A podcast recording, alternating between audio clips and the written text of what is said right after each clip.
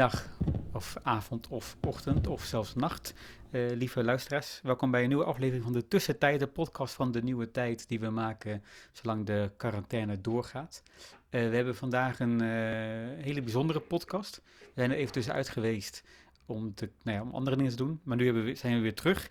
Alleen helaas zonder Rebecca de Wit. de, de, de dagopvang van haar kind is gesloten en ze heeft geen tijd om voor dit soort uh, extra circulaire, nee, extra culinaire, extra... Curriculaire, denk ik. Extra curriculaire activiteiten, uh, zoals het maken van een podcast. En de stem die je net hoorde was Wannes Gijselink. Hij is er in plaats voor gekomen. We gaan eigenlijk de komende vier podcasts die we gaan maken met een andere gast maken. En we zijn super blij dat Wannes erbij is vandaag. Um, Wannes die is van, van het Hof. Zo heet het officieel nu toch, hè? Het Hof. We zijn een, een, een, langzame transitie aan het maken van Hof van Ede naar Hof. Ja, dus okay. zeg maar Hof. Ja. Oké, het, het Hof of gewoon Hof? Hof. Hof. Ja. Hof.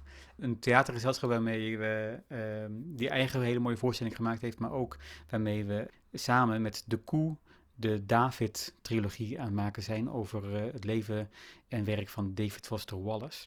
We hebben de eerste uh, uh, tekst zijn we klaar en volgend jaar pas gaan we de eerste voorstelling van die eerste tekst maken.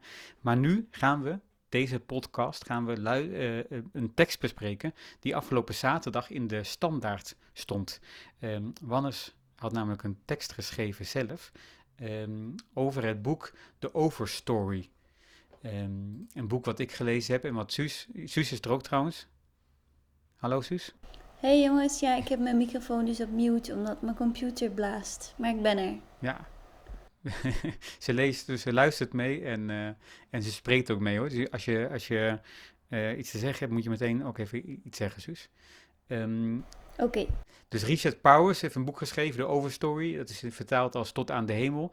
En dat is misschien wel een van de mooiste boeken die ik afgelopen jaren nee, in ieder geval jaar gelezen heb. En uh, ook voor Suus, jij vindt het ook heel mooi, of niet? Ik vond het een super mooi boek. Een prachtig boek. Super mooi boek. En uh, Wannes heeft eigenlijk een, een, een, stuk geschreven over dat hij heel graag wou dat hij het ook heel mooi vond, maar het eigenlijk niet mooi kon vinden. En hij vroeg zich waarschijnlijk af, hoe kan het dat al die mensen die ik leuk vind het een mooi boek vinden en ik hier op mijn enige eilandje het... Uh, uh, zit, zit, niet leuk te vinden. Toch? Dat, zo, zo vat ik het ongeveer samen, of niet? Ja, dat klopt. Ja. ja. Een identiteitscrisis. Een identiteitscrisis zelfs. O, ja. ja, kan je zeggen. Uh, uh, want je, je nam het persoonlijk, dat je dan dacht, alle mensen vinden het mooi behalve ik. Ja, daar komt het op neer. De vraag is dan, deugt het boek niet of deug ik niet? En dat heb ik proberen onderzoeken. heb je dat vaak, dat jij als enige een, een andere mening hebt over dingen? Ja, dat, dat uh, overkomt me al eens. Ja. En, en meestal vind ik dat heel spannend. Eigenlijk vind ik dat altijd spannend, omdat, omdat, je, omdat het iets blootlegt over uw, uh, over, uw, over uw esthetica, maar ik denk dus ook over uw waardenpatroon. Omdat ik denk, en daar kunnen we het misschien over hebben, dat, dat die twee, dat smaak niet losstaat van ethiek. Van, van, ja. En, en uh, ik kan deugen, ook... sorry, het woord deugen klopt, klopt dan ook wel. Deugt het boek. Deugt het boek, inderdaad, ja. Ja, ja um, had je ook bijvoorbeeld als puber dat je dan zo... Uh, een, een, dat iedereen een bepaalde band mooi vond, maar jij dan automatisch niet en zo? Ja, ja je bedoelt die, die um, verscheurdheid tussen enerzijds de, de, de, de, troost van de, van de kudde, zeg maar, en dan het verlangen om uh, uit de kudde te springen. Ja, ja, ja tuurlijk, ja. ja. En ik, ik ja, ja meestal als je al een beetje raar bent, dan maak je van dat raar zijn een stijl. En, en ik was een beetje raar. Dus ja, dat is daar al uit gelopen. Waarin bevond, eh, kan je dat misschien zeggen? We gaan zo je, je tekst lezen hoor. Maar ik ben wel nieuwsgierig of je dan... Ik zeg, als je zegt, ik was een beetje raar, kan je, dat, kan je jouw raarheid omschrijven? Goh, fysiek niet mainstream. fysiek niet? ja, klein, klein te jong, ehm, te veel noten op mijn zang wellicht ook. Uh, ja, we moeten daar nu niet per se een diepte psychologisch profiel van maken, maar, uh, ja, maar... vertrouw me, ik was een beetje raar. Oké, leuk. Nou ja, ik herken sowieso wel dat je dan, bijvoorbeeld als de Da Vinci Code iedereen dat gelezen heeft, dan hoef ik het al niet meer te lezen, zeg maar of zo. Of dan, heb ik, dan, dan trekt me dat niet. Maar toch ook bijvoorbeeld bij Knausgaard of zo, wat ook dan eventjes de literaire hype was, eh, of het bureau of zo, kan ik dan wel, als ik het ga lezen en heel mooi vind, dan vind ik het ook niet erg dat ik het mooi vind. Maar jij waarschijnlijk ook niet, toch? Je vindt ook wel dingen mooi die andere mensen ook mooi vinden. Ja, daar ben ik nu echt wel overheen. Ja. ik, ik, ik, behoor graag tot een gemeenschap van mensen die samen iets mooi vinden. Ja, ja. ja. Oké. Okay. Uh, Suus, weet jij nog uh, of jij, uh, waar, waarom jij het zo mooi vond, het boek? Um, mm, ga ik even over nadenken. Oké. Okay. Ik, ik, ik heb het. Ik denk niet dat ik daar zeg maar zo een één, één zin of een verklaring voor heb. Ik, ik, het, het was gewoon een soort match tussen mij en het boek. Al vrij snel. Maar dat is goed, want dan hebben we daar deze podcast de tijd voor om daar een verklaring voor te vinden van wat, wat het is dat dit boek je aantrekt of afstoot. Um, het, uh, het stuk, ik ga het voorlezen nu, het stond afgelopen zaterdag in de, in de standaard. Um, het heet, uh, het is een brief en de, de Ann Keiler, zo heet dat toch, zo de eerste dikgedrukte alinea, die luidt als volgt. Wat als je een belangrijk en ingoed boek heel slecht blijkt te vinden? Wannes Gijzelink onderzoekt de kortsluiting die hij voelde bij het lezen van Richard Powers' The Overstory. En dan de titel is Beste Richard Powers. Dit kan onmogelijk goed eindigen. Jouw boek, The Overstory, wordt door veel mensen gekoesterd. Je stond in alle lijstjes van 2018 en won de Pulitzerprijs voor Fiction in 2019. Je geldt als aimabel, mensen houden van je boeken en van jou. Keanu Reeves, officieel de nicest person in de showbusiness, verklaarde in een interview, terwijl hij zat te spelen met een nest kei-schattige puppies, ik verzin dit niet, dat hij de Overstory het beste boek vond dat hij ooit las. Ik sta dus een beetje alleen met mijn, hoe moet ik het diplomatisch zeggen, afgrijzen. Ofschoon het onvermijdelijk is dat deze brief dus in mijn gezicht zal ontploffen, schrijf ik hem toch tegen beter weten in, omdat ik er echt mee zit. Ik citeer A.L. Snijders: Van niets lig ik zo wakker, lig ik zo vaak wakker als van stel. Waarom ik een moreel ingoed boek zo slecht vind. Een kortsluiting van ethiek en esthetiek, zeg maar. Ik hou van bomen. Laat dat meteen duidelijk zijn. Ik hou van wouden, van schimmels, van korstmossen en woekerende, onpeilbare ecosystemen. Ik hou zelfs van de metaforiek die erin schuilt. Van de good practice die ze voorspiegelen. Wouden we, wouden we maar wouden zijn. En met gemoraliseer heb ik op zich ook geen probleem. Ik vind zelfs dat het goede eigenlijk te weinig plaats inneemt in het huidige publieke discours. Hoe kan je boos zijn op iemand die tracht de moraal, het goede, terug in het gesprek te brengen over hoe je, in, hoe je de dingen het best organiseert of hoe je het best gedraagt? Ik zou zonder gêne een t-shirt dragen met daarop in gouden neogotische kapitalen Goedmensch. Vanwaar dan de weerzin? Ik moet even meteen al opmerken dat ik best wel geinig vind. Uh, dat ik uh, afgelopen uh, zaterdag een, een, een, stukje las van ehm, Marijn Lems. Waarin hij dus zei dat hij in de um, NRC, toch de kwaliteitskrant van Nederland, het woord dramaturgie en intersectionaliteit niet mag gebruiken van de, van de eindredactie. en jij doet dus zonder problemen publiek discours in, in, in je stuk. Heb je daar, heb je daar commentaar op gekregen? Nee. Nee? Dat lijkt me niet zo'n excentriek woord. Discours? Maar dramaturgie toch ook niet? Discours is toch alweer... Nee, nee, dramaturgie ook niet, nee. Nee. Raar. Nou ja, dus toch het goede aan Vlaanderen vind ik dat ze nog uh, de ruimte is om intellectueel te spreken. Uh, intellectueel, dat wil zeggen met een woordenschat die... Uh, ik hoorde ooit dat het NOS-journaal voor elke twaalfjarige te begrijpen moet zijn en ook gericht is aan twaalfjarigen. Uh, nou, dit, dit stuk is in ieder geval niet voor de twaalfjarigen. Oké, okay. vanwaar dan de weerzin? Nu kan ik twee dingen doen. Ofwel proberen aantonen dat jouw boek niet deugt, Ofwel het vermoeden uitspreken dat mensen als ik niet deugen, omdat ze zoveel goeds in fictie dan toch ondraaglijk blijken te vinden. Moeilijke keuze. Ik doe het gewoon allebei. Want er is in theorie zoveel te waarderen, nog afgezien van mijn bovenvermelde dendrofilie. De, de bomenliefde. Bomenliefde, dendrofilie, bomenliefde. Je bent uh, klassicus ook, hè, of niet? Ja. Van opleiding, dendrofilie. En dendro is dan boom. Yep. Ja. ja. De, en filie is uh, liefde. Mm -hmm. Dendrofilie. De vorm is cool. Een boek als een boom. Nu, nu ik dit zeg, herinner ik me ook meteen, ik ga straks doorpraten, met dat ik het boek van Suus gekregen heb.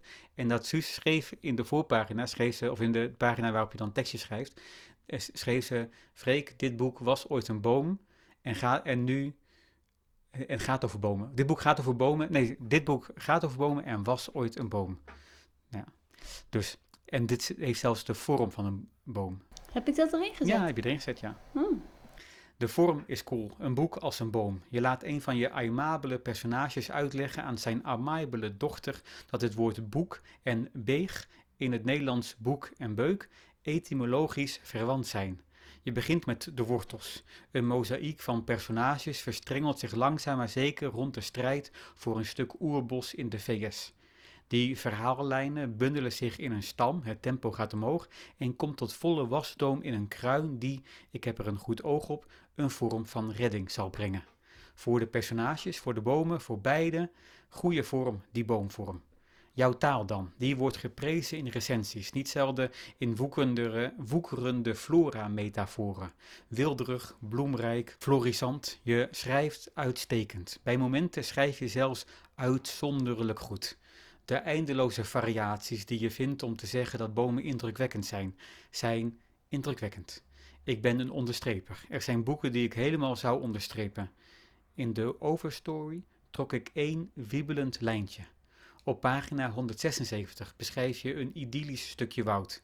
Hier begint mijn streep. Steep, steely streams score through rickless of rock where salmon spawn. Misschien moet je het even vertalen, Wannes.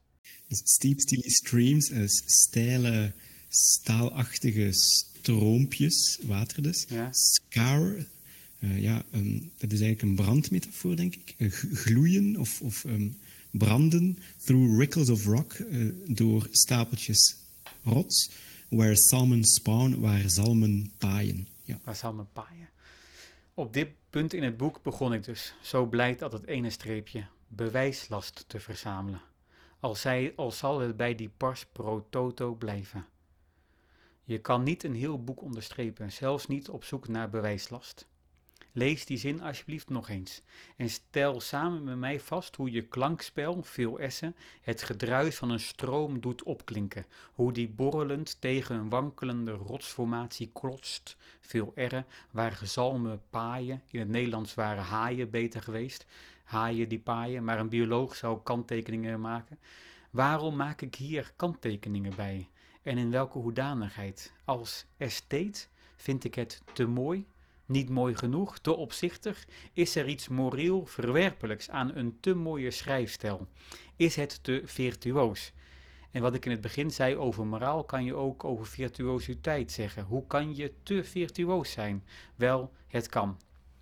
Lolita. The tip of the tongue taking a trip of three steps down the palate to tap a tree on the teeth. teeth.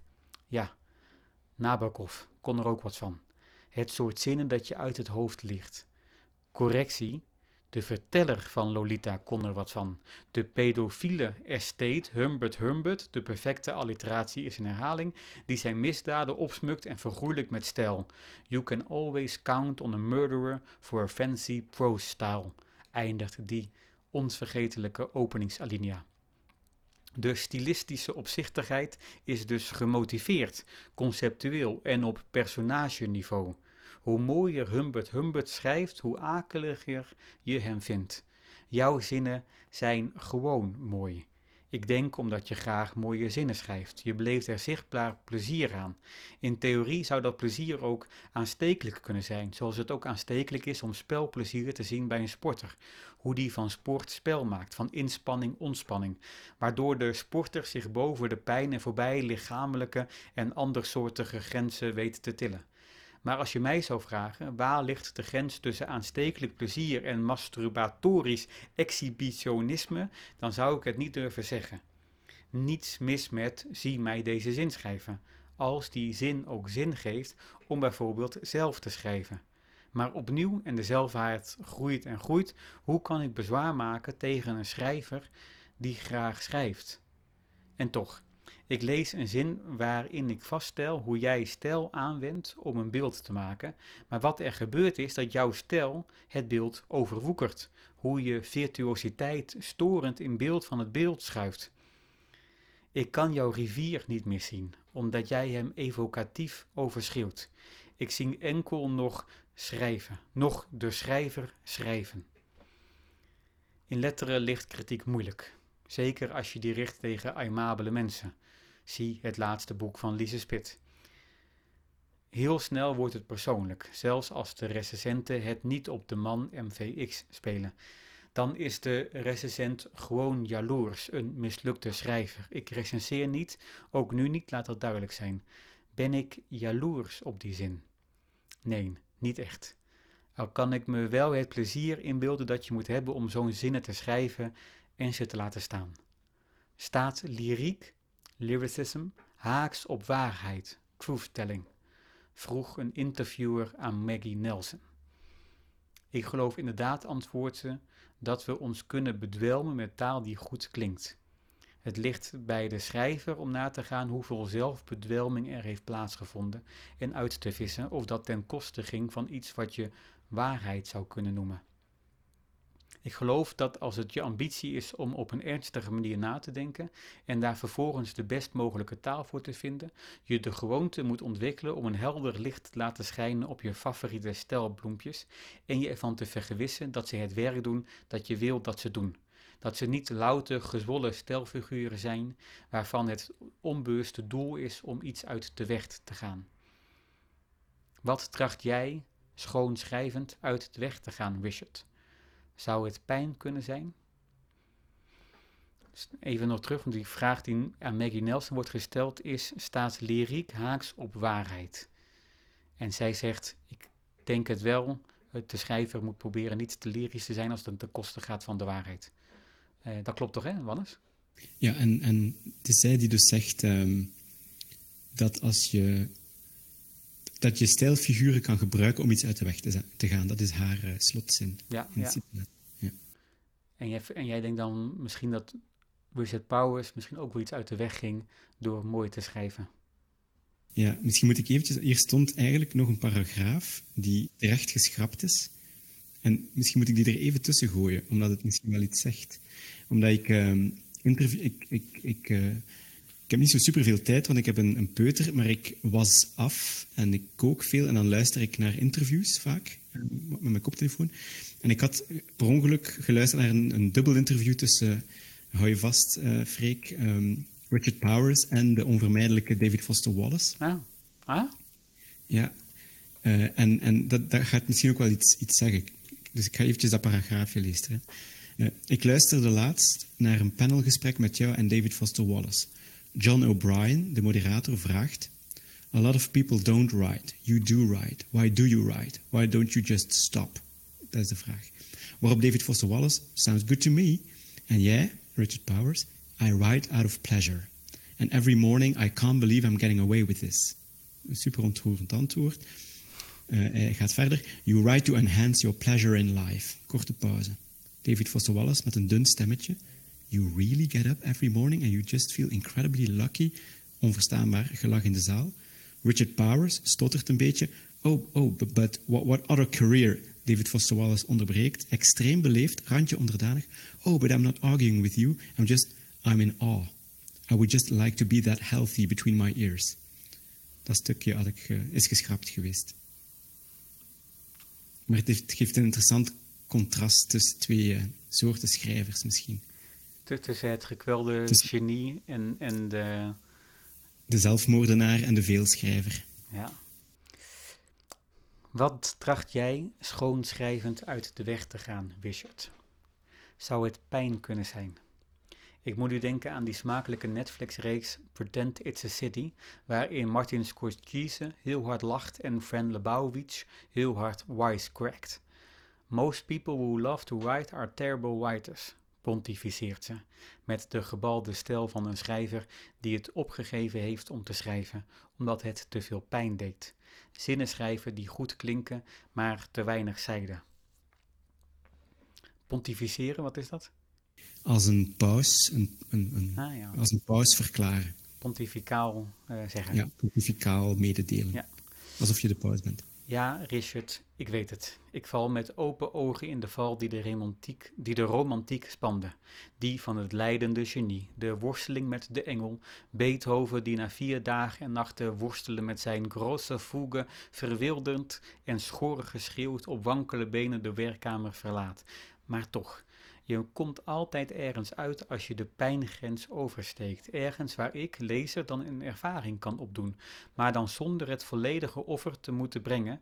En, al, maar dan zonder het volledige offer te moeten brengen.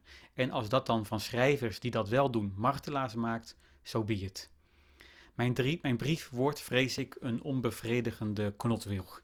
Veel oeverloos gewortel, afgeknotte stam, amper kruin. Ook op Facebook was ik al eens aan het zagen geslagen over jouw boomboek. Ik dacht medestanders te vinden, maar dat viel tegen. Tom Hannes, schrijver, denker, zen-boeddhist, iemand naar wie je maar beter luistert, schreef het volgende. Ik had geklaagd dat ik je boek te nadrukkelijk vond. Misschien is nadrukkelijkheid in deze niet overbodig, zei hij. Het artistieke, half verborgene is misschien vooral in stabiele tijden een fijne plek? Vraagteken. Als jij maar blijft doorbomen over hoe belangrijk bossen zijn, en ik vind dat trouwens ook, doe je dat misschien omdat we contra-propaganda nodig hebben. En propaganda heeft herhaling nodig. Als je mij wil betoveren met je ronkende proza, dan ook daarom. Zodat ik, net als je personages, mijn leven verander door iemand en niet iets te zien als ik naar een boom kijk. Meer nog dan iemand, een samenhangend meervoud waar wij, schamelende individuen, ons amper iets bij kunnen voorstellen. Het woud als wereld die samenhangt, samen ademt, uitwisselt, waarschuwt, nadenkt. The word for world is forest. Engels en mijn uh, spraakorgaan is, is, niet de beste combinatie. Uh, het woord voor wereld is bomen. En het klinkt in het Engels mooier als je een verfijnde dictie hebt. The word for world is forest. Luidt de titel van een ander prangend bomenboek van science fiction schrijfster Ursula K. Le Guin. In, of Le Guin? Le Guin. Le Guin. In een voorwoord bij dat boekje legt ze uit hoe ze het schreef tijdens de Vietnamoorlog vanuit woede en wanhoop, in één geut en zonder plezier. Hoe ze wist dat het brekerig zou wo worden, hoe ze ermee geworsteld heeft, alweer dat worstelen, maar ook hoe die worsteling toch iets opleverde. Ambiguïteit. Is het dat wat Tom Hannes bedoelt? Dat we in deze tijden niet met ambiguïteit moeten afkomen. Dat het zelfs wenselijk is om nadrukkelijk te zijn. Zeker nu extreem rechts zich ambiguïteit en ironie als stelkenmerken heeft eigen gemaakt. In zijn essay Clearing Up Ambiguity, Ambiguity de New York Review of Books uit 2015 plaatst ook auteur Tim Parks vraagtekens bij die status die ambiguïteit verworven heeft in de literatuur van de 20e eeuw. Hoe komt het, vraagt hij, dat ambiguïteit niet louter een esthetische, maar ook een moraal, morele waarde heeft gekregen? As if the text that wasn't clear, that didn't state its preference clearly, were ethically, ethically superior to the text that does. Gaan vertalen, hè? Alsof de tekst die niet duidelijk is, die niet duidelijk zijn agenda of voorkeuren meedeelt, op ethisch vlak superieur is ten opzichte van de, een tekst die dat wel doet. Dat is wel echt een interessante vraagstuk. Daar, moet, daar gaan we het over hebben als we, we zijn bijna bij het einde van je, van je brief. Is het dat wat ik aan het doen ben? Vasthangen aan een gedateerd, modernistisch ideaal van ambiguïteit jouw boek afkeuren omdat het te weinig ambigu is. Als ik iets niet begrijp, ga ik vaak graven naar de wortels, de etymologische dogreden, alsof wortels ons iets kunnen leren. En toch, ambigu komt van ambigere, ergens omheen lopen. Dat is, hoe kan het anders, zelf al ambigu. Enerzijds om de hete brei heen lopen, iets uit de weg gaan, zie Maggie Nelson. Anderzijds ergens onderzoekend cirkels, ja-ringen rondtrekken. En ja, dan kom je misschien op hetzelfde punt uit, maar daarom nog niet als dezelfde persoon. Ligt daar mijn teleurstelling? Dat ik nu al weet dat ik jou dat ik rond jouw boek geen cirkels zal kunnen trekken, geen onderstrepingen, dat ik na het lezen van jouw boek dezelfde zal gebleven zijn. Ik lees je uit, dat zeker, maar intussen blijf ik worstelen met je goede bedoelingen. Hartelijk, een vertwijfelde lezer. Wannes Gijselink. En normaal gesproken applaudisseert Suus dan altijd eventjes. Voor... Uh... Ben ik aan het doen hoor. Oh, je was het ook aan het doen. wat, wat, wat denk je nu, Wannes, als je dit hoort? Uh, dat, ik, uh, dat ik niet aan de overkant ben geraakt, zoals, zoals je dat zou kunnen zeggen. Die tekst is, is, is een beetje als een steekvlam geschreven in één geut, zou je kunnen zeggen, op één voormiddag. Um, dus het, is niet, het heeft niet de pretentie om, om een doorvrocht uh, essay te zijn. Of een, vandaar dat het zo in de, vra in de vragende wijze is geschreven. Maar ik heb er intussen natuurlijk op zitten verder denken. Dus maar daar, daar komen we nog wel... Uh, eh. Op Facebook was er nog een, een, een, soort van discussie tussen twee mensen die ik niet ken over mijn tekst. En een ervan zei dat, dat ze mij in het water moesten gooien. Uh, Jou in het water gooien? Harry Mulisch, uh, parafraserend over critici. Oh. Ja. maar dat, dat lijkt me niet de, de bedoeling. Toch? Zeg nou, dat, want op zich, uh, ik weet nog, want je, je, stuurde het ook al door eerder naar ons toe, namelijk op een David uh, Foster Wallace appgroepje, en dan stuurde je door en dan zei je, ik hoop dat ik niet uh, op, iets op kwade tenen ga staan, of, zeg maar, of, of, dat mensen hier niet boos over kunnen worden.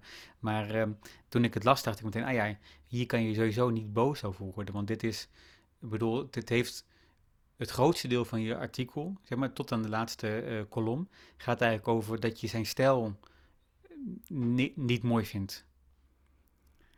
Mm Toch? En, en, ja? Ik ben ooit nog echt boos geworden toen iemand zei dat, dat Joni Mitchell toch maar niets is. Ik, kan, ik denk dat je echt boos kan worden als iemand iets wat je koestert afkeurt. Ook, ja. ook op stilistische gronden. Dus in, in dat opzicht uh, drijft het toch altijd een weg tussen mensen ook al denk je elkaar graag te hebben en dicht bij elkaar te staan, als, als er plotseling zo'n esthetisch verschilpunt opduikt, heb je het gevoel dat je aan elk, elk aan een kant van een kloof staat. Ja, dat klopt wel. Ik weet ook wel dat als je nu dat zo zegt, dan denk ik ook, ja, als iemand je lievelingsboek gewoon niet goed vindt of niet kan begrijpen, dan kan dat soms voelen als de, de, de tekenen van de scheidingspapieren of zo. Hè? Ja, emotie van wantrouwen. Ja. Alhoewel het ook kan zijn dat het. Ehm, ik moet nu denken dat mijn vriendin Challenger niet zo boeiend vond. Een beetje een zeurkous. En dan denk ik, vind ik dat minder erg dan dat ik het toen ik het zeg maar uh, bij een relatie die al niet zo goed liep, kan het soms harder aankomen. Mhm. dat iemand dan denkt, zie je wel, je vindt dat ook al niet mooi. Hoe, hoe kunnen we dan uh, dezelfde... Uh, wat nu, wat ik vind dus, vond het dus wel een mooi boek en, en, en Suus ook. Uh, voel ik me niet persoonlijk aangevallen, want je stelt net de vraag van, je denkt, ah ja, je houdt niet van de stijl per se. Toch? Dat is zeg maar in... in... Ja, ik zit, ik, ik zit ook vooral te denken dat het, wat je erover schrijft, bewijst voor mij dat, dat we heel anders, andere lezers zijn of zo. Dat ik het heel anders heb gelezen. Ik lees sowieso best wel snel. Ik bedoel, misschien lees jij sneller, maar ik bedoel meer dat ik niet heel erg inzoom op bijvoorbeeld een stijl of zo terwijl ik lees. En bij dit boek heel erg uh, ontroerd was door de verhalen en de beelden. En eigenlijk vanaf de helft van het boek ook echt werd meegesleurd in die draaikolk van waar gaat dit naartoe of zo. Ik voelde dat al die verhalen in elkaar gevlochten gingen worden en ik vond dat heel spannend en zo. Dus ik, heb op een heel andere uh, trip gezeten of zo in bij het lezen van dit boek. Mm ik, ik, ik, het rare aan dat boek is dat ik mij ook kan voorstellen hoe je dat kan lezen en het fantastisch vinden. Dus dat, je, dat ik dat eigenlijk een beetje schizofreen aan het lezen ben. Een beetje bifocaal ben. Alsof dat ik twee personen tegelijk ben terwijl ik het lees. Maar ik kan niet anders dan, en je hebt dat soms ook bij voorstellingen, theatervoorstellingen, dat je voelt, het is goed, maar ik vind het niet goed. Ja. Uh, Maar dat is ook wel dus best wel grappig. Het is natuurlijk een ontzettend ideeënboek. En ook zijn andere boeken van Richard Powers is heel erg, zeg maar, vanuit een, een uh, eigenlijk wat, het, wat, hij gedaan heeft. Zo zijn, zijn iets van acht personages en ze vertegenwoordigen allemaal een soort omgang, moderne omgang met bomen. Dus je hebt een wetenschapper die ontdekt dat bomen met elkaar communiceren. Je hebt een, een, een, een hippie meisje dat met bomen kan praten. Je hebt een, een, een, een, een, een, een, man met een heel erg uh, liefde voor de geschiedenis van de boom. Dus heb je eigenlijk allemaal, je hebt een, iemand die uh, werelden gaat maken on, online, die de boom. Heb je eigenlijk allemaal een soort ideeën, bijna archetypen van, van mensen die hoe ze met bomen gaan praten. En uiteindelijk kom je via die mensen bij een soort punt uit, wat jij dan de kruin noemt, waarin ze allemaal verliefd zijn of het belang van de bomen zien. En dan de, het verdriet dat ze voelen, en wat ik ook als lezer voelde, uh, bij het feit dat dan die eeuwenoude bomen, die, die machtige uh, sequoia-bomen gekapt worden. En dan gaan ze dan inderdaad ook echt met activisme daarin uh, in, in, in, in, klimmen. Dat is een heel spannend gebeuren van het boek of zo. Hè? Maar ik kan me wel voorstellen dat als jij, als je, als je het dan aan de, op afstand blijft, dat je dan vooral zo de, het analytische van wat het werk is eigenlijk, zo het idee zo blijft voelen. Mm. Ja, want ik herinner mij ook de eerste pagina's dat ik, ik ben met veel, ik lees graag bomenboeken. Ik heb er ook echt al veel gelezen. En, en het daarnet over mijn, mijn, rarheid. Mijn rarheid was bijvoorbeeld dat ik, dat ik soms heel de dagen alleen in een bos liep. Dus ik, ik neem dat heel persoonlijk. Ik neem zowel de bomen persoonlijk, als dat ik intussen als schrijver, en, en hij maakt scare quotes in de lucht, als schrijver een stijl heel belangrijk vind. En ook altijd persoonlijk neem. Ik beeld mij ook altijd in... Um, je hebt dat misschien ook, of jullie hebben dat misschien ook, Freek. Ik kan Suus niet zien. Uh, ze is onzichtbaar gemaakt, dus ik, ik spreek tot Freek. Maar ik, Suus, uh, als, dat als je schrijft, dat je, dat je ook het plezier kan u inbeelden uh, dat de schrijver kan hebben als hij het geschreven heeft. Dus ik schrijf ook heel... Ik lees ook heel erg meeschrijvend, ah, ja. laat ons maar zeggen. Je ziet, je blijft de schrijver zien tijdens het lezen. Ja, dat is deel van, van, het, van, het, van het... Niet van het probleem, deel van het plezier, ah, ja, ja. eigenlijk, in het beste geval. Uh, maar maar dus, dus ook de gêne die ik kan voelen als ik zie dat een, dat een schrijver niet streng genoeg is met zijn materiaal en te weinig geschrapt heeft. In mijn, in mijn eerste versie stond een één tussen haakjes over um, Raymond Carver, de, de koning van het minimalistische kortverhaal. Maar weinig mensen weten dat hij samenwerkte met Gordon Lish, zijn editor. En er zijn online versies te vinden van het verhaal voor en na de editing. En dat is werkelijk, dat, is, dat omvat een, een vierjarige cursus creatief schrijven en dan zie je vooral dat er anderhalve pagina sentimenteel gedrash, dat er, dat er twee schamele lijnen van overblijven. Uh, dat is uiteindelijk ook fout gelopen, die, die relatie. Maar Gordon Lish was eigenlijk als schrappend mede-auteur. En ik, ik, ik mis dat type strengheid. Uh, ik, ik, mis dat trouwens vaak. Ik vind, ik vind dat bij, bij veel boeken dat er te weinig geschrapt is. Ook, ook bij Knauska bijvoorbeeld? Heb ik nog ah, ja. niet... Uh, gedurfd te lezen. Ik had dat heel erg bij. Um, ze heeft nu mijn, mijn, kleine gun, mijn lieve gunsteling, het eerste boek van. van uh, Marieke Hen, ik, ja. uh, Lucas Schijneveld. Ja, ja, dat eerste boek dacht ik ook voortdurend, ach, schrap dan toch. Omdat je een soort wellust voelt van, van het schrijven, die, die, ik, die ik bijna obscene vind. Ah, ja. Ook de eerste Nederlandse politieprijswinnaar. Uh, vond ik, vond ik uh, veel, te, veel te weinig streng geëdit, absoluut. Ja. Maar, want op zich, zeg maar, um, nu, als ik jouw tekst nu voorlees, dan valt mij op hoe in jouw tekst ontzettend veel alliteraties zitten, beeldrijmen, uh, um, uh, letterlijke herhalingen van, van zinnen. Een, een, een, een, brede, nou ja, sowieso dat ze je bewust hebben gedaan natuurlijk, maar een, allemaal de bomen metaforiek doorgezet of zo. is, is het ook dus een herkenning van, schrijf jij dus, als je zegt dit is een geut geschreven, schrijf jij van jezelf uit ook nogal bloemrijk en gotisch en, en uh, gotisch, barok.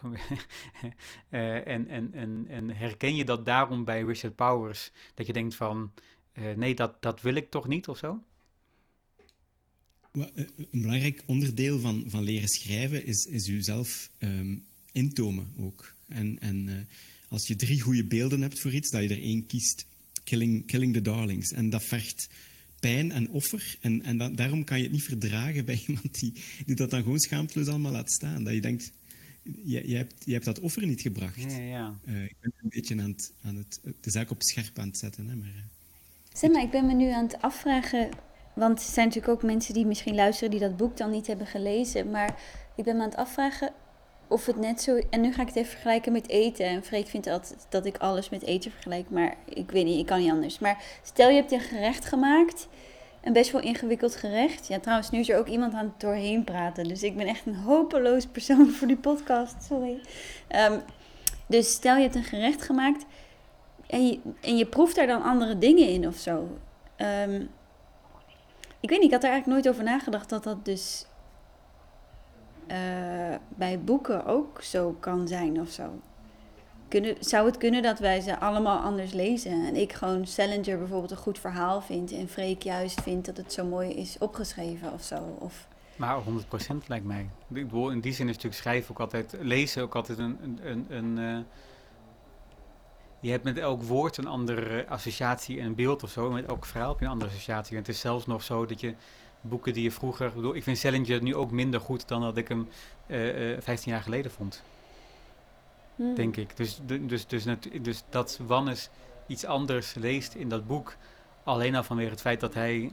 Maar, ja. maar Wannes kwam het door... Kwam, had het denk je ook te maken met de maand waarin je het las, of het jaar waarin je het las, of de week waarin je het las? Of was je toevallig moe van, uh, ik weet niet, iemand die zichzelf graag bezig hoort of zo? Of, of... Uh, nee, want ik, heb, ik, ik ben een onverstoorbare lezer in principe. De, de, en ik heb eigenlijk best wel wat Richard Powers gelezen en daar ook plezier aan beleefd. Wellicht is er een soort waterscheiding uh, vast te stellen in mijn, in mijn lectuur. Uh, voor en na David Foster Wallace, dat, dat doet wel iets. Zoals voor en na Thomas Mann ook zoiets was. Heel veel dingen vielen af toen. Ik noem dat, uh, ja, dat is een beetje de, de fuik waar je inzwemt. Hoe, hoe meer dat je leest, hoe minder dat je goed vindt. Maar nu klink ik alsof ik zeg, ik heb meer dan jullie gelezen. Wacht maar, hè, tot jullie het ook een slecht boek gaan vinden. Maar ik had een beetje angst voor, voor dit gesprek, dat, we, dat, we, dat, dat het zou neerkomen op iedereen heeft zijn mhm. smaak. En, en dan stopt het gesprek ook over stijl. Ja, ja, ja. wel een belangrijk gesprek vind, zeker in relatie tot de ecologische crisis. Dat ik echt denk dat het misschien bij mij daar ligt. Dat uh, de, de, de greatest story of all, wordt het nu genoemd, hè, de klimaatcrisis, vraagt een bepaald, en ik weet nog niet of iemand het al gevonden heeft, maar vraagt een een, een, een, een schaal in schrijven, ik weet niet hoe, die het, het, het kleinmenselijke... Uh, Rebecca heeft ooit de term Netflix-dramaturgie gebruikt. En ik, Netflix-dramaturgie draait rond de, ja, de, de invoelbaarheid met, met mensen. Uh, die, hoe jij het daarnet vertelde, klonk het bijna als een Avengers-movie-plot. geïsoleerde helden vinden elkaar, vormen samen een soort van superploeg en, en redden de wereld. Uh, ik, ik, ik, trivialiseer een tikkeltje, hè, maar um, ik heb het gevoel dat met die greatest story of all, dat, dat, dat het soort sentiment waar dat Richard Powers op aanstuurt, in het ons proberen verliefd te maken met, met bomen, wat, wat, wat ik trouwens al was,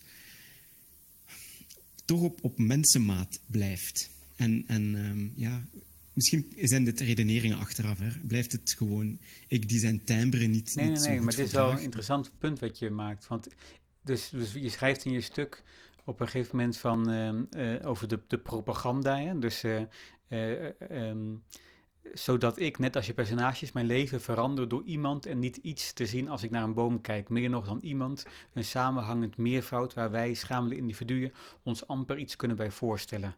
Het woud als wereld die samenhangt, Salem ademt, uitwisselt, waarschuwt, nadenkt. En dat was eigenlijk min of meer helemaal het effect dat het op mij had. Dus ik ging anders naar bomen kijken. Ik zag bij een boom dus inderdaad een individu, een levend wezen. Uh, en, en, en in zekere zin een levend wezen dat in harmonie leeft met zijn omgeving. Uh, en voelde dan daarna voor het eerst pijn als die bomen werden omgehakt. Uh, dus dat als die Avengers um, niet die eeuwenoude bomen konden beschermen. Um, Dus dat, dus dat effect had het. Maar als je zegt, ja, je zegt eigenlijk twee dingen. Ik, ik, ik hield al van bomen, maar ook dat houden van bomen is misschien wel niet wat we nu nodig hebben. Dat vind ik wel. Ik weet het, niet, ik weet het ook niet, want ik denk ook wel dat, dat een sentimentele uh, gehechtheid aan dingen ervoor zorgt dat je dingen wil beschermen. Al was het voor, voor jezelf. Mhm. Ik moet trouwens nu denken aan, aan Kinderen voor Kinderen. Ergens in de jaren tachtig was er een liedje over een boom die omgehakt eh, was. Ik denk dat ik zeven jaar was. Eh, zeg nee, nee, nee. Een boom gehakt op het plein. Een meisje zingt dat. Ik weet dat, dat is echt een trauma. Dat, uh... ja, ja, ja, dat zegt me iets. Maar het zit ver weg. Ja, en anyhow. Uh, dus, dus die pijn van... Uh, ik, de, de antropomorfe dat je hebt, mm -hmm. dat je een boom ziet en dat je ook een beetje het gevoel hebt dat je in de spiegel kijkt, ja, dat, dat is natuurlijk een, een onderdeel in de strijd. En ik, en ik vind dat een heel belangrijke strijd. En dat is mijn, mijn, mijn gekweldheid in het lezen van dat boek. Is blijkbaar, als ik literatuur lees, verwacht ik toch dat het, dat het iets van. Dat, het ook, dat ook het goede troebel blijkt. Of dat ook de strijd kan omslaan in zijn tegendeel. Toch een soort van. Je zou het cynische, een cynische move kunnen noemen, waardoor je in stilstand blijft hangen, dat je toch maar niet in actie moet komen. Dat is al meteen de kritiek op mijn, uh, mijn reflex. Maar ik, ik geloof dat er ook iets, iets, iets te verdedigen valt in ambiguïteit. In, in iets dat je niet helemaal te pakken krijgt in een boek. Ik zat over na te denken. Ik, ik, er is mij zelfs verweet dat wat ik maak dan moralistisch is. En, um, dan dacht ik, ah, hoe komt het nou dat ik dat niet zo ervaar? En er heeft ooit een, um, of dat ik het wel zo ervaar, maar dat ik dat niet, bijna problemen mee heb. En dat komt misschien ook wel omdat ik zeg maar me zo doordrenkt voel van ambiguïteit, van het niet kunnen spreken over de waarheid of het juiste of het goede, dat elke poging tot, zeg maar wel tot stelling nemen, altijd ingebed is in een web van andere mogelijkheden. En, en, en, en heeft kunst soms de functie, of het leven soms de functie van dat iemand zegt, ja, maar ik vind gewoon A, waardoor je dan het publiek kan denken, ah, dat is dus A nou ja, ik vind misschien ook wel een beetje A en ook een beetje B. Zeg maar, dus dat, dat, dat de ambiguïteit niet zit in, in, de, in, de, in de kunstwerk, maar juist in de ontvanger. Mm Door stelling te nemen, uitnodigen tot antwoord, ja. Maar het is wel een verschil tussen een stelling nemen en een fictionele wereld scheppen, een parabel mhm. dan, waarin dat je die stelling duizend procent verkondigt. En dat, dat gebeurt. Hij, hij, bouwt met één personage, Adam, denk ik, een soort tegenstem in. Maar die wordt eigenlijk meteen... Hè, die, die onderzoekt activisme, want hij gelooft het niet echt dat mensen... Hij gelooft dat dat een soort psycho, psychische stoornis is. En dan blijkt hij... En dan wordt hij helemaal zelf... De, de hoofd... Uh... Met, ja. Er zijn heel veel epifanieën in dat boek. Heel veel momenten dat iemand plotseling het licht ziet. En ik, ja, ik, ik kan dat maar niet geloven. Ik vind dat een zwaktebod. Dat je, als, je, als het daarvan moet afhangen, dan gaat het, uh, dan gaat het niet goed aflopen. Op een soort van religieuze verlichting die, die mensen blijkbaar bij elkaar kunnen stichten. Dat vind ik, dat vind ik te weinig. Ik was dus aan het denken, hè, omdat ik de schrik had van dit gesprek, van, van hoe, uh, hoe zou het kunnen dat de stijl en, en het sentiment um, de dingen op me menselijke schaal houdt en dat mij dat in, in verhouding tot die oeroude bomen, dat, dat, ik dat niet vind kloppen. Dat, dat ik zelfs het gevoel heb dat die bomen worden ingeschakeld om ons iets te doen voelen. Uh, in plaats van dat wij dus in, in functie van dat we die, die rollen omdraaien. Moest ik denken aan een ander bomenboek van Annie Proulx, Proulx geschreven. Um, Barkskins, schorshuiden, het is vertaald episch boek ook. Um, maar zij heeft een totaal andere aanpak. Uh, zij, zij, zij, doet het aan de hand van, van twee stambomen. Heel, heel uh, diep teruggaand in de tijd, 17e eeuw. Volgt zij twee families, um, twee Franse gevangenen die worden geëxporteerd naar Canada om daar houtbomen uh, te gaan hakken. Maar die wouden zijn daar op het moment dat ze toekomen nog angstaanjagende plekken. En ze kan ongelooflijk goed beschrijven hoe daar zo'n bos in essentie een angstaanjagende mens-onvriendelijke plek is. Geen paradijs, maar, maar een, een, plek die, waar je liefst van al wil dat, er, dat, er, dat men er een clearing, een, clearing, een, eh, een open plek in, in kapt. Um, uh, en, en zo beschrijft ze eigenlijk door die grote tijdschaal worden mensen compleet onbelangrijk. Hoeveel mensen? Ik denk dat er daar 300 mensen doodgaan in dat boek. En, en altijd in bijzinnetjes. En die bomen groeien maar verder. En daar vind ik dat ze iets gevonden heeft in, in schaal, denk ik. En ook in afstand. Het is volkomen onsentimenteel. Zoals, ik moet nu denken aan Sartre, uh, La Nausée, de walging. De walging die iemand voelt als hij een kastanjeboom ziet. En de walging gaat over het feit dat die man die naar die kastanjeboom kijkt, zich realiseert dat die boom volkomen onverschillig is voor zijn existentie. Die, we, hebben, we hebben best wel een ingewikkelde verhouding tot de natuur. En, en die ambiguïteit uh, mis ik, denk ik dan. Uh, het is meer dan verliefdheid. En in die zin klopt je vermoeden, denk ik wel, dat het dan ook deels propaganda is. Omdat er nu in het, in, in, voor de meerderheid van mensen de natuur als iets wordt gezien wat of voor recreatie is, of waar je grondstoffen kunt, vandaan kunt halen. En, of waar je je goed kunt voelen. Zo, uh, de wilderness experience. Maar eigenlijk dus heel erg uh, utilitaristisch of zo. Dus, uh, om ook maar een Latijns woord te gebruiken. En, nee, dus iets als een gebruiksvoorwerp.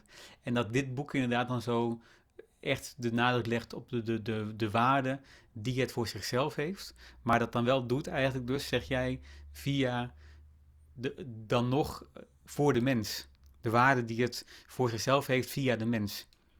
Ik had, ik had juist het gevoel bij dit boek dat hoe meer die, die bomen en werden beschreven in elk verhaal op een andere manier, kreeg ik juist het gevoel dat ik, het was op driekwart of zo van het boek als ze het zo hadden over dat wouden eigenlijk migreren door ondergrondse wortels uit te strekken en dan ergens anders zo uh, kiem te laten ontstaan enzovoorts. Toen dacht ik, oh, bomen zijn inderdaad een, totaal onverschillig ten opzichte van ons en gelukkig zullen ze er ook nog miljoenen jaren zijn na ons. Dat was zo'n geruststelling die ik vond in dat boek.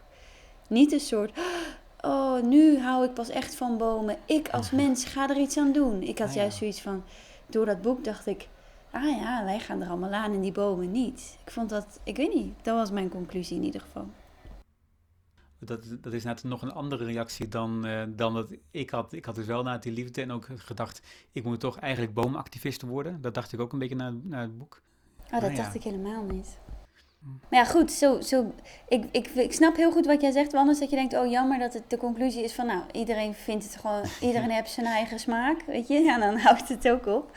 Maar um, uh, dat is niet per se wat ik ermee wil zeggen, maar ik, um, misschien had ik gewoon nog niet zoveel bomenboeken gelezen en was dit dus toch een soort uh, revelatie daardoor.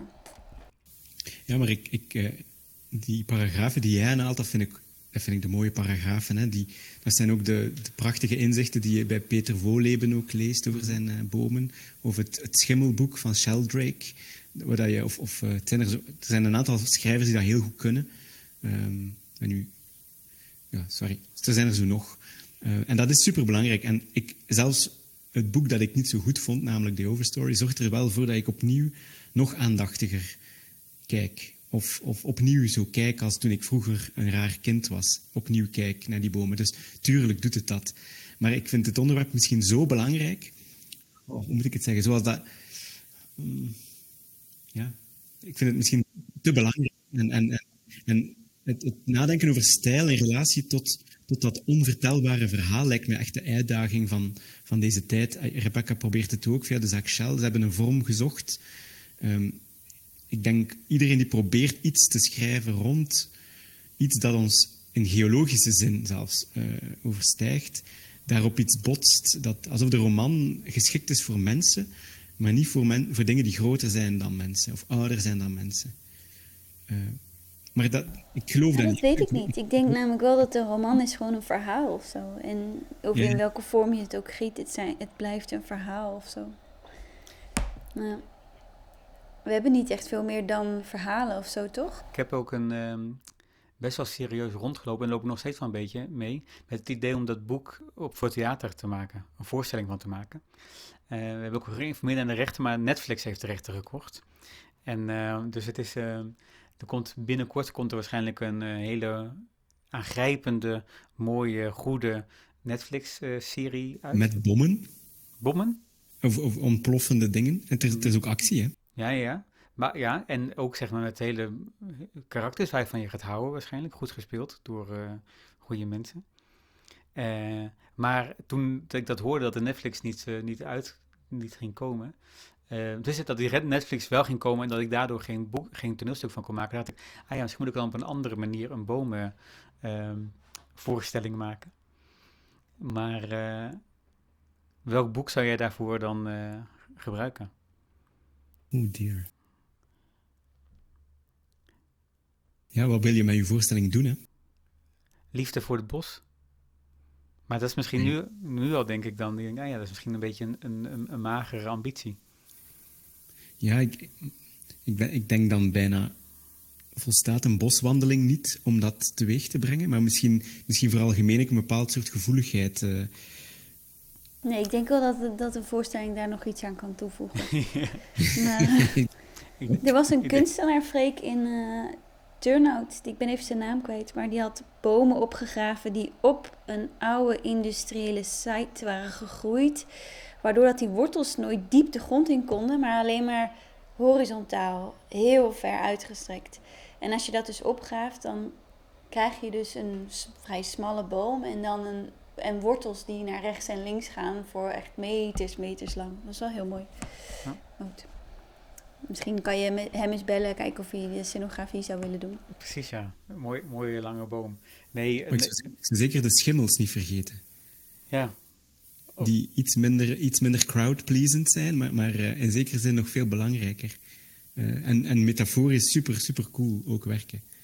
Uh, het schijnt, ja. Ik stel me nu voor dat mensen die, de, de mensen die deze podcast gaan luisteren, dat je pen en papier moeten pakken om te denken, oh, dat wil ik lezen, oh, dat wil ik lezen. Of, en misschien moeten we uh, het erbij schrijven. Freek, alle, alle, alle boekentips.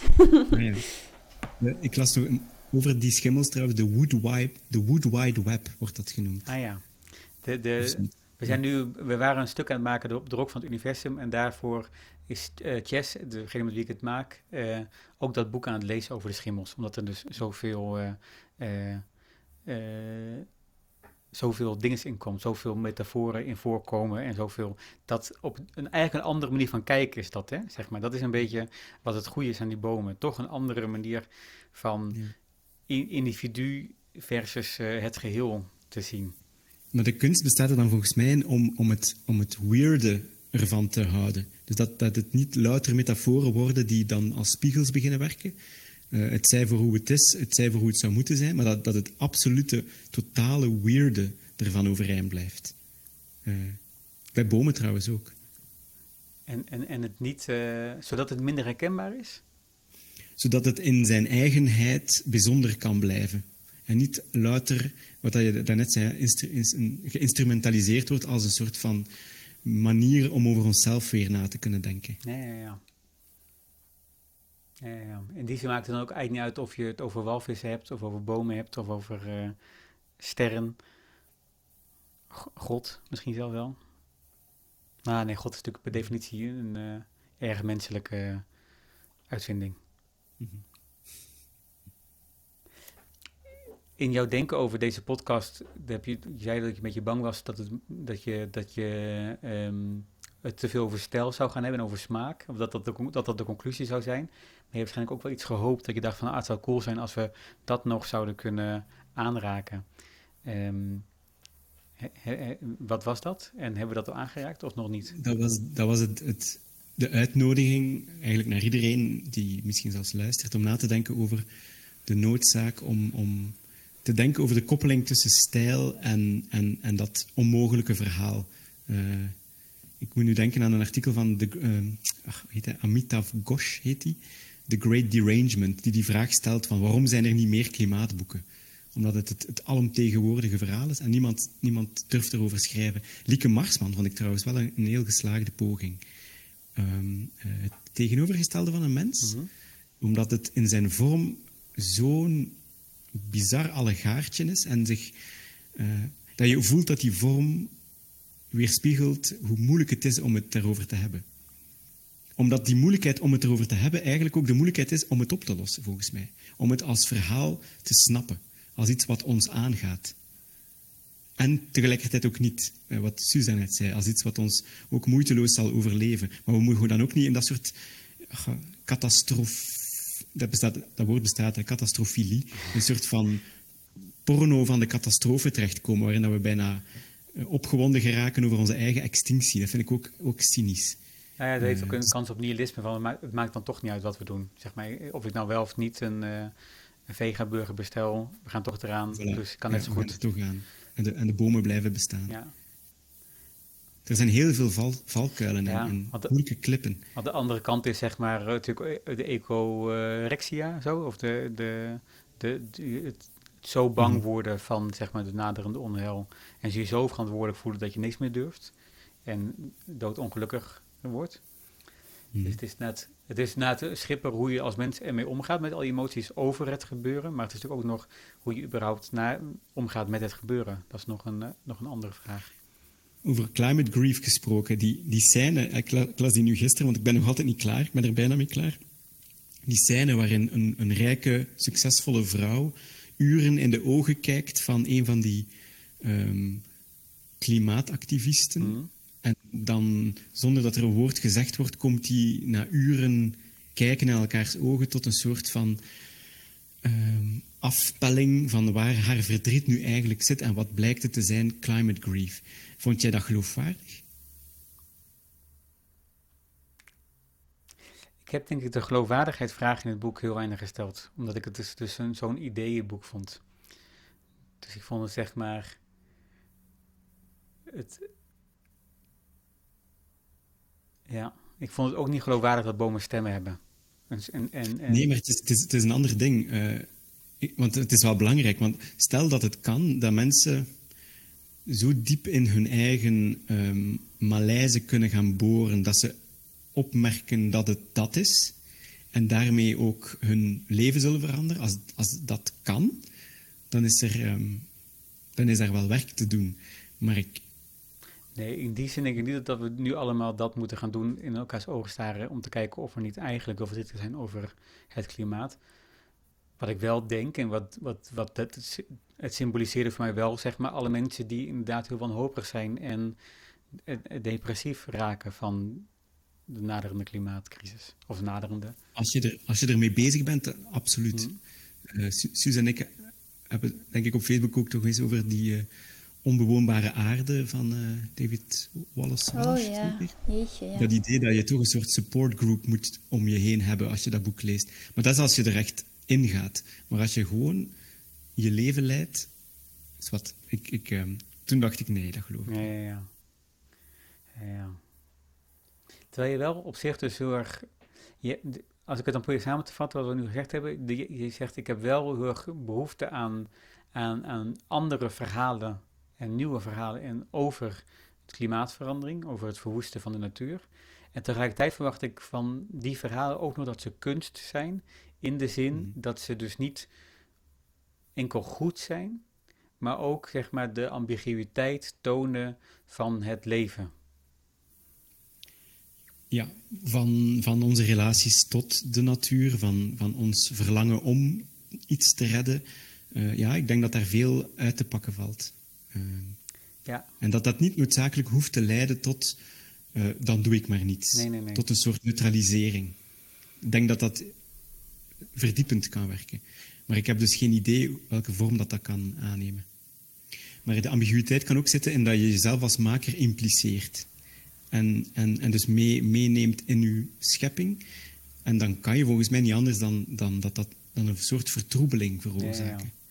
Uh, ja, maar dat is, nog, nou, dat is eigenlijk uh, ook weer het, het feit dat als het leven troebel is en, het, en het, omdat het leven troebel is, zal alles wat je erover schrijft ook troebel zijn. Uh, wat iets mhm. anders is dan iets troebel maken omdat het dan goede kunst zou worden. Nee, tuurlijk, ja. Nee, nee, nee. De ambiguïteit als louter stijleffect ja. zou, zou opnieuw uh, ijdel worden. maar ik denk nu wel tegelijkertijd dat het is niet omdat je, omdat je die vertroebeling toelaat dat alles troebel wordt. Nee. Zoals de aanwezigheid van een kwaadaardig personage uw verhaal niet automatisch meteen volledig kwaadaardig maakt. Nee. Maar als je zeg maar een, een, tekst zou lezen en zou weten, ah, nu weet ik eindelijk op welke partij ik moet gaan stemmen, zou je denken, ah, dat is misschien geen goede kunst. Het is uitstekende propaganda. maar dus, misschien hebben we dat nodig. Dat, dat kan. Nu.